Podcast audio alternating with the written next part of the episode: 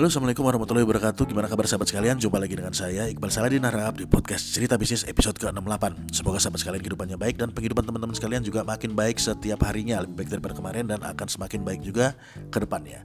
Podcast ini disupport oleh bantubisnismu.com dan Quantum Sinergi Umat dan seperti biasa di podcast ini kita akan membahas tentang banyak hal terutama mengenai bisnis, manajerial dan keuangan dipandang dari sudut pandang saya sebagai pelaku usaha dan praktisi di bidang investasi. Jadi misalnya teman-teman sekalian ada yang ingin didiskusikan, monggo bisa langsung kontak ke nomor WA yang tercantum di deskripsi di podcast ini gitu ya. Sekarang kita akan langsung masuk ke sesi cerbis kali ini. Jadi pada satu ketika teman-teman sekalian, saya membaca satu status Facebook uh, yang ditulis oleh seorang teman. Tulisannya cukup menarik. Tulisannya adalah apakah seorang mentor bisnis harus mempunyai bisnis? Dan di tulisan tersebut juga dia langsung menjawab sendiri pertanyaannya dengan jawaban sebetulnya itu ya tergantung juga, tergantung situasi dan kondisi. Nah membaca jawaban tergantung tadi itu membuat saya tergelitik untuk membahas tulisan tadi di podcast ini teman-teman sekalian, kita harus membedakan dulu ya uh, antara trainer, konsultan, motivator, coach dan mentor. Nah, mentor itu menurut saya adalah orang yang mengajari dengan memberikan contoh, orang yang mengajari dengan memberikan teladan. Oleh karena itu, seorang mentor wajarnya memiliki bisnis. Uh, karena uh, apa ya? Karena dia akan memberikan teladan apa? Dia akan memberikan contoh apa kalau dia tidak pernah melakukan hal tersebut gitu loh. Sedangkan kalau kita lihat seorang trainer, coach, konsultan, mereka memang menurut saya tidak perlu punya bisnis sendiri karena ya memang itulah mungkin bisnis mereka. Konsultan ya bisnisnya konsultan coach ya bisnisnya coach trainer ya bisnisnya trainer. Tapi bagi seorang mentor baiknya dia memiliki bisnis sendiri. Dan seorang mentor juga idealnya nggak mencari uang dari mentoringnya. Karena bisnisnya sendiri kan juga sudah jalan. Tapi kalau misalnya ya dia mau menetapkan tarif untuk kegiatan mentoringnya menurut saya wajar-wajar aja. Kenapa? Ya karena dia kan meluangkan waktu untuk mendampingi kita. Sedang waktunya si mentor ini juga sangat berharga tapi ini menurut pandangan saya pribadi loh ya Terus ada anggapan kayak gini. Bisnis masih kecil kok sudah keluar uang untuk bayar mentor. Ya mending nanti-nanti aja lah kalau bisnis sudah gede baru nyari mentor.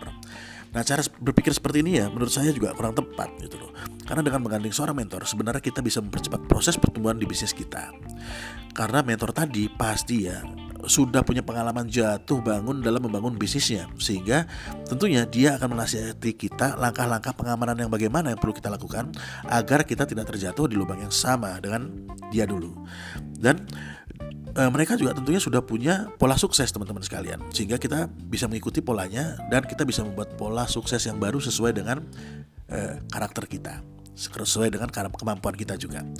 Dan e, karena memang e, bisa mempercepat uh, proses di bisnis kita tentu ada sesuatu yang harus dikorbankan yaitu uang. Misalnya ya kita mau eh, berangkat dari Malang menuju ke Jakarta lebih cepat, ya naik pesawat tentu bayarnya lebih mahal, tapi harus ada yang dikorbankan yaitu uang, bayar lebih mahal. Misalnya kita mau nyampe uh, ke kantor lebih cepat dari rumah secara rutin supaya nggak terlambat, ya berani beli motor. Ada yang dikorbankan lagi yaitu uang, harus berani beli motor. Mau bisnis uh, tumbuh lebih cepat, ya juga kita harus uh, berani menggandeng seorang mentor. Dan kalau memang ada uang yang harus dikorbankan, ya memang itu resikonya. Dan sebetulnya teman-teman sekalian, kalau uh, teman-teman uh, akan mencari mentor, menurut saya idealnya carilah yang bisnisnya linear dengan bisnis kita. Misal bisnis Anda kuliner, cari mentor yang punya bisnis kuliner juga. Dan kalau nyari mentor itu jangan nanggung teman-teman sekalian. Cari mentor yang bisnisnya jauh skalanya lebih besar daripada bisnis Anda sekarang. Kalau misalnya teman-teman sekalian mau cari mentor yang gratis sebetulnya juga bisa. Gimana caranya? Ya cari pebisnis yang bisnisnya linear dengan bisnis Anda dan kemudian minta tolong kepadanya untuk menjadi mentor Anda. Jadi kata kuncinya adalah minta tolong. Kalau dia berkenan, ya bagus. Kalau dia nggak mau, ya nggak apa-apa. Cari lagi yang lainnya, pantang menyerah. Saya juga dulu cari mentor bisnis, ya dapet kok yang nggak berbayar. Tapi memang si mentor ini menerapkan kedisiplinan yang sangat tinggi teman-teman sekalian. Sehingga ada komitmen di antara kita. Kita saling komit. Saya datang dua minggu sekali dan uh, harus ada perubahan dari satu pertemuan ke pertemuan yang lain. Gitu loh. Uh, dan dia juga komit uh, kalau memang saya komit datang dua minggu sekali dan ada perubahan yang signifikan atau ada perubahan tertentu lah dari pertemuan satu ke pertemuan berikutnya, dia komit menemani saya dalam menjalankan bisnis kecil saya. Artinya teman-teman sekalian nggak perlu malu untuk mencari mentor. Minta tolonglah dengan sopan. Ya, peluang terburuk adalah ada ditolak. Gitu doang. Gak mungkin lah sampai misalnya Anda dimarahin, ada ditempeleng atau diludahin, gak mungkin banget. Kesimpulannya, uh, dari podcast kali ini, apakah seorang mentor harus punya bisnis? Menurut saya idealnya ya.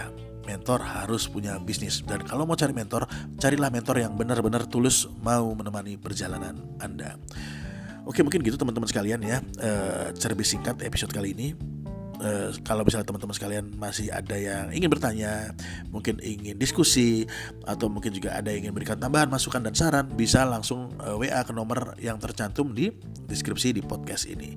So semoga bermanfaat buat teman-teman pendengar, terutama buat saya pribadi ya uh, sebagai pengingat diri. Saya cabut dulu, saya mundur diri. Sampai jumpa di episode cerbis berikutnya. Assalamualaikum warahmatullahi wabarakatuh.